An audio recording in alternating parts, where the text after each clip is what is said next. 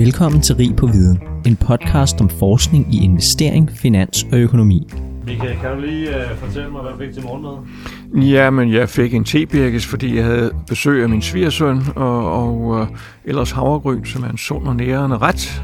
Er det højt nok? Eller jeg ja, men, altså, det er loud and clear. Ja, så tager vi morgenmad. Jamen, jeg kan da bare lige uh, sige, at jeg fik uh, havregryn også, ligesom uh, Michael. Det er jo en god og, og billig vane for ens privatøkonomi. Det kan være, det er første råd her. Start dagen billigt. Du lytter til en videnskab.dk podcast.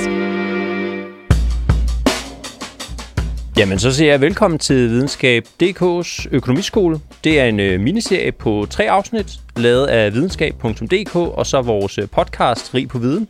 Det er et samarbejde, som vi kalder for Rig på videnskab.dk, og det bliver en øh, serie med forskning på området og praktiske råd, der er spiselige for alle. I den her episode der skal det handle om de bedste tricks til din privatøkonomi, og hvordan man får styr på den. Mit navn det er Henrik Fod Rasmussen, og eftersom man siger, at gode råd er guld værd, så har jeg taget professor Michael Møller med mig til at forgylde os alle sammen med gode råd om penge. Velkommen til, Michael. Tak for det.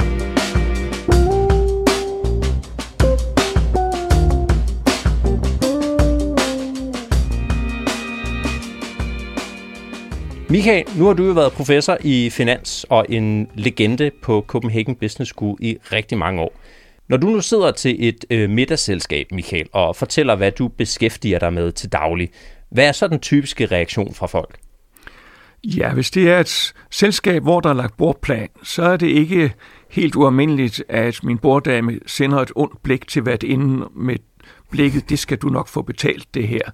Øh, fordi økonomer har ikke noget særligt godt ry for at være underholdende borherrer. Og det er lidt synd, fordi økonomi er ikke kun en kedelig videnskab, det er almindelig livsforståelse, vil jeg sige. Senere i podcasten her, Michael, der skal vi jo så omkring et par spørgsmål fra helt almindelige danskere fra øh, videnskab.dk's øh, brugere. Men først så skal vi lige have noget af det basale på plads, og derfor så starter vi i, i dyreriget simpelthen. Øh, hvad er det nu lige, Michael, med æren og løver, når vi taler om privatøkonomi? Jeg plejer at sige, at man kan dele folk op i æren og løver. Det, der kendetegner løver ud fra en økonomisk tankegang, det er at forbrug er lige indkomst hver dag. Det vil sige en løve, eller for den sags skyld en løveinde, for det er dem, der jager mest, de kan jo ikke lægge til side, så den dag, at de ikke længere kan fange noget, så dør de af sult efter en periode. Derimod æren, de er i stand til at lægge til side, de gemmer nødder til vinterens komme, og så kan de overleve afskillige måneder.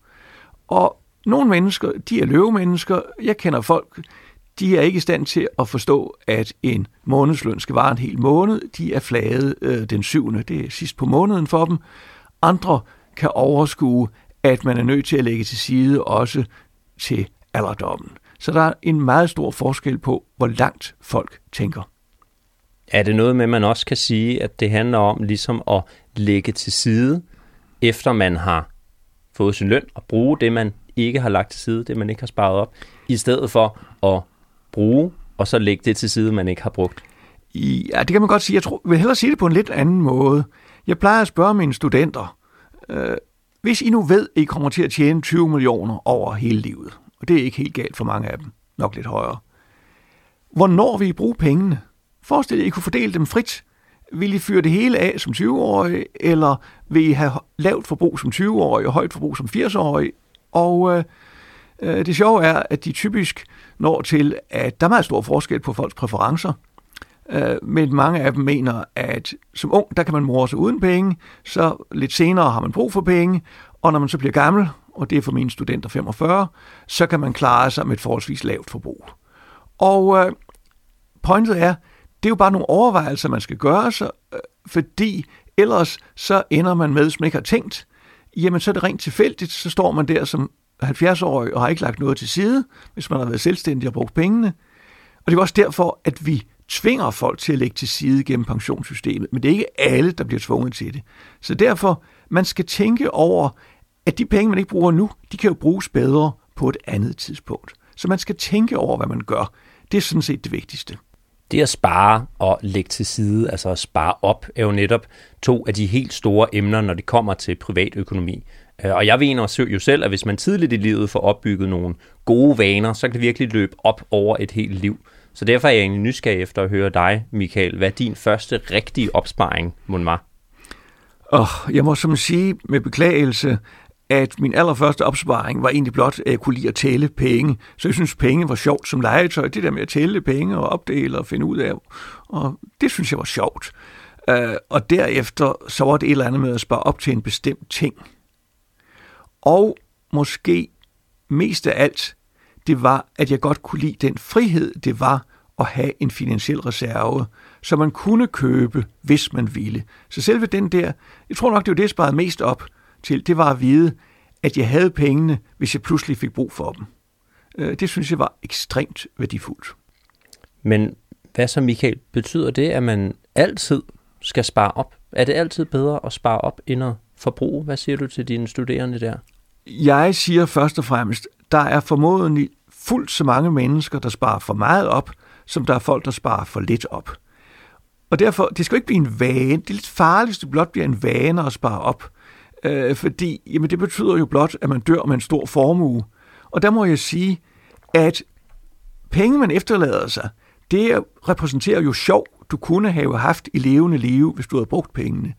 Så jeg siger egentlig mest, jamen, du skal tænke over, hvad du gør. Altså rygmavsregler om at spare 30% op af lønnen, eller folk gør, det er åndssvagt. Det er næsten lige så åndssvagt som at bruge alt, hvad du tjener.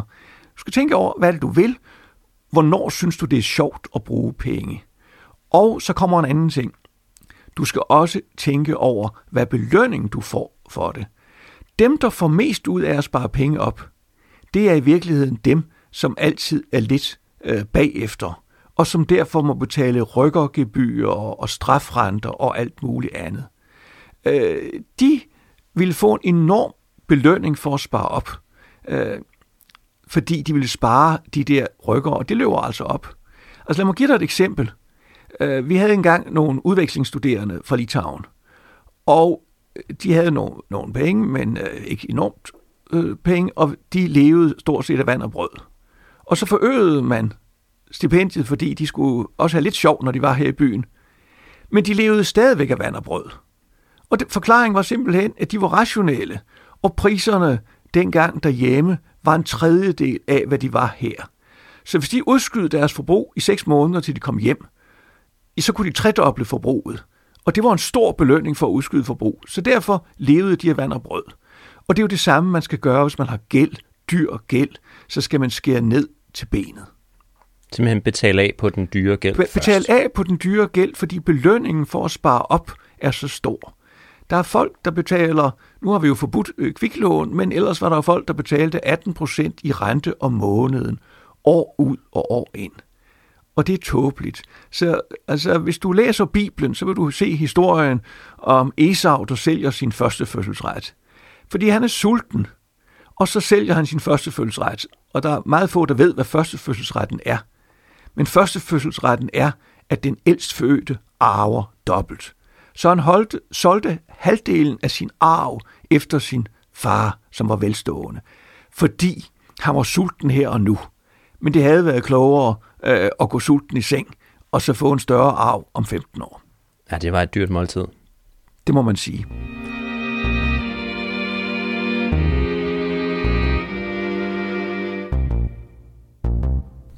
Michael, hvis det nu om sider lykkedes os at spare nogle penge sammen, som vi ikke skal bruge lige nu, hvordan skal man så som almindelig dødelig gå til sådan noget som investering, så ens opsparing kan vokse sig endnu større?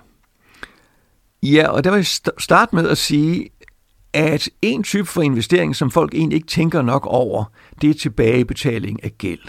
For når du tilbagebetaler gæld, så sparer du de renter, som du betaler, og det er jo inklusive de renter, som en mellemmand tjener, hvad enten det er en bank eller et realkreditinstitut. Øh, så et langt stykke af vejen vil jeg sige, at betal først bankgæld tilbage, og eventuelt også dyr realkredit. Men lad os nu se bort fra det og sige, at du har penge, du vil investere. Ja, så vil jeg sige, for det første skal du tænke på det som langsigtet investering. Altså, det er jo ikke penge, penge, du skal bruge om to år. Lad dem bare stå i banken. Øh, fordi det, der sådan er seriøs investering, det er større beløb. 20.000 er et uendeligt lille beløb, når vi snakker investering. Altså, jeg tror, i min alder, der har du måske 6-7 millioner på din pensionskonto. Så 20.000, det er ikke rigtig penge. Det er ikke det, der gør nogen forskel.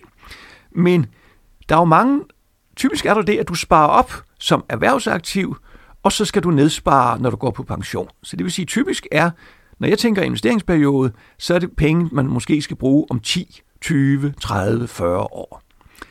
I så tilfælde har jeg en præference for pensionsopsparing, fordi den er skattemæssigt subsidieret, og jeg har en præference for at investere i aktier, fordi aktier giver et forventet større afkast, når man investerer på lang sigt. Men det skal være på langt sigt. Og så kommer jeg sådan, hvis nu skal sige, øh, hvad fejl vi mennesker lider af. Der er nogle af os, vi er for kortsigtede, det er det, vi bruger pengene her og nu, i stedet for at udskyde det. Det er en alvorlig fejl. En anden fejl, som mange af os har, det er, at vi er lidt for selvglade. Og jeg plejer at spørge mine studenter, hvem af jer har humoristisk sans under gennemsnittet, og det er der ikke ret mange, der har. Men det kan jo ikke passe, så morsomme er økonomer skulle heller ikke. Så tænk over, at det ligger i menneskenes sjæl at overvurdere sig selv. Og på de finansielle markeder, der er der mange, der tror på deres egne evner, og de begynder at spekulere, og har de held med sig, så mener de, at de er genier, og har de først uheld og så held, så mener de, ah, jamen først skulle jeg lige lære det, men nu er jeg god, og så fortsætter de. og det vil sige, at vi har en evne til at bedrage os selv, og derfor det vigtigste råd, som vi har, det er at sige til folk, lad være med at tro, du er genial. Jeg fører selv en politik, der går ud på to ting. Det ene det er, at jeg spreder risiko. Jeg har mange forskellige aktier. Folk, der tror på sig selv, de putter måske en tredjedel af pengene i et selskab. Og hvis det selskab går ned, der sker en uheldig ting med en boreplatform eller et eller andet, så har de mistet et betydeligt beløb. Det er dumt. Vi kan ikke forudsige fremtiden. Risikospredning, det er allerede fremhævet i det gamle testamente. Del dit gods i syv otte dele, for du ved ej, hvad ondt kan ske på jord. Det er et smukt citat. Vi vil nok sige, at del det i 20-30 dele, fordi det er så let og risikospredet med aktier, eller måske endda flere, men risikospredning er budskab nummer et. Og det andet er ydmyghed. Lad være med at tro, du kan tjene penge på at være smart. Køb nogle aktier og lad dem ligge. Betragt dem som træer, du har plantet. De skal gro i fred og ro. Og er det så nødvendigt at vide som almindelig investor, hvad det er for nogle aktier, man skal købe? Nej, altså jeg plejer at sige, altså givet nu af forskellige tekniske årskader, som jeg ikke kommer ind på, så er jeg overvægtet i danske aktier, øh, og jeg har måske 30-40 forskellige. Og der vil jeg sige, at jeg vil lade min værste fjende vælge, hvilken aktie jeg skal putte 200.000 i. Blot det er et af de 25 største selskaber på børsen. Fordi når nu Danske Bank øh, koster, jeg aner ikke, hvad den koster, lad os sige, den koster kurs 160 i dag, når den koster 160 kroner for en aktie, så er det fordi, at alverdens eksperter i pensionskasser har kigget på den, og groft sagt mener halvdelen, den skal op, og halvdelen den skal ned, for ellers ville den ikke ligge i kurs 160. Hvis alle eksperterne mente, at den kun var 130 værd, så ville de sælge af deres aktier, til kursen faldt. Så jeg har ganske gratis alle eksperternes vurdering af, hvad Danske Bank er værd, og det er nok bedre end det skøn, som jeg selv er med til at lave. Derimod, jeg vil være mere nervøs i små bitte aktier, altså fodboldklubber og lignende. For der er de professionelle ikke med, stort set. Øh, prisen er sat af, af folk, der, lokale mennesker, der kan lide den lokale klub. Der vil jeg være meget nervøs for at lade en uven bestemme. Men på de store selskaber, der stoler jeg ganske trygt på, at prisen er fornuftig, men jeg skal bare have en stor risikospredning, fordi der kan altid ske noget, som ingen har forudset. Ellers så, Michael, til slut, der har vi et par spørgsmål fra en af videnskab.dk's øh, brugere, et par af deres brugere faktisk, øh, hvor det første fra Anders, det lyder sådan her. Er det nemmest at blive rig på mursten eller på aktier? Mursten giver mulighed for højere gearing og ingen skat på gevinsten, men der er også renteudgifter. Noget siger mig, Michael, at du ikke bryder dig om tanken om et hus som investering, eller hvad? Jeg vil sige, det væsentligste, når du køber et hus, det er, at du vil bo i det. Fordi, altså man skal være klar over, at et aktiv giver afkast i to former. Det giver det i form af værdistigning, og de giver det i fordel, for, form af glæde af at bo i boligen. Og hvis du ikke har glæde af at bo i boligen, væsentlig glæde af det, så er du ikke den rette ejer, for så skal huset købes af en, som får den samme værdistigning, som du har fået, men som også har glæde af at bo i huset. Det er lidt som, at jeg vil ikke købe landbrugsjord som investering, fordi landmanden, han vil få den samme værdistigning som jeg, men han vil også kunne dyrke jorden fornuftigt. Så derfor er jeg lidt skeptisk over for det der med at investere. Jeg vil købe ud fra, at du kan lide at bo i huset. Og så har man altså også med et hus nogle væsentlige vedligeholdelsesomkostninger. Der skal males, der skal laves gulve. Hvis du lejer en lejlighed ud, så er der administration og utilfredse lejere. Det er altså bare meget nemmere, meget mere simpelt og meget billigere at holde aktier eller værdipapirer. De passer sig selv. Helt enig. Altså jeg vil blot sige, blot det der med at lege ud alene, dansk lejelovgivning gør, at det der med at lege ud er et moras og kan give ufattelige advokatomkostninger. Altså for mig er økonomi noget, man ikke skal bruge for meget tid på. Jeg er egentlig mest optaget af, at tingene passer sig selv. Og jeg er villig til at betale lidt for det. Det skal være simpelt. Men det skal også være så simpelt, at folk forstår det. Altså man må ikke stole så meget på rådgiver, at man giver dem carte blanche. Man skal en gang for alle få lidt grundlæggende forståelse for økonomi. Og når man har gjort det, så må man ikke bruge tid på det mere. Man skal ikke sidde og følge selskaber dagligt og den slags pjat. Det vil jeg ikke bruge tid på. Men man skal lige forstå nogle basistankegange. Så sæt dig ind i nogle basistanker en gang for alle, og så skal du ikke tænke mere på det resten af livet.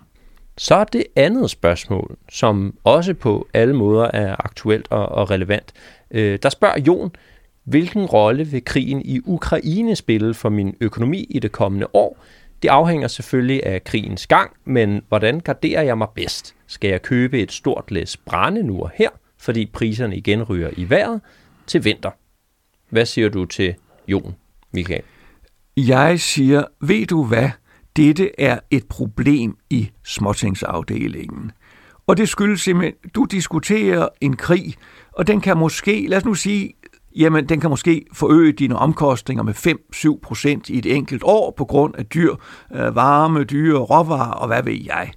Men en 5-7 procent er et års indkomst. Og du har jo altså formodentlig 30-40 år foran dig. Så er vi nede på, at det er 0,2 procent af din livsindkomst. Og så vil du kaste dig ind i noget voldsomt indviklet øh, finansiel forsikring med at finde men du aner sgu ikke, om det er brænde, der bliver problemet, eller det er øh, metaller, der bliver problemet. Så ved du hvad? Lev, som du hele tiden har gjort, og sig, der kommer hele tiden stød her i tilværelsen. Du skal bare tænke på at bevare din arbejdskraft, hvis du blot tænker på, at du skal være i stand til at tjene penge, hvis tingene ændrer sig, at du er i stand til at finde et andet arbejde. Det er det, du skal koncentrere dine åndsevner om. Netop fordi din arbejdskraft er det suverænt største aktiv. Så det, man skal tænke på risikomæssigt, det er, hvis jeg mister mit job, hvis forholdene ændrer sig, kan jeg så finde et andet job. Og så er der jo altså også en omkostning ved at fylde sin udstue med brænde. Du kan måske ikke bruge din udstue de næste to år. Og den kan brænde i øvrigt. Michael Møller, tak for at du vil være med i videnskab.dk's økonomiskole. Selv tak. Med de ord, der er det blot at sige tak for i dag, og vi ser frem til at tale om aktier i næste episode, hvor det med Thomas Plenborg skal handle om, hvad der egentlig styrer værdien af en aktie. Du har lyttet til en podcast lavet af videnskab.dk og podcasten Rig på Viden. Et samarbejde, som vi kalder rigpovidenskab.dk. Hvis du ikke kan få nok af økonomi, så finder du links til podcasten Rig på Viden og til videnskab.dk's økonomiartikler nede i episodeteksten. Mit navn er Henrik Fod Rasmussen. Tak fordi du lyttede med.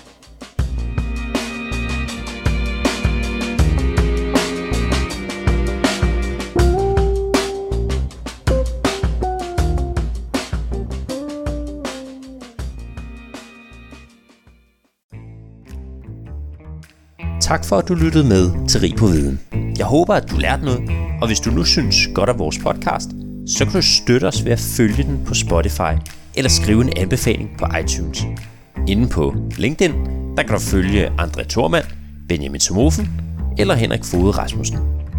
På genhør.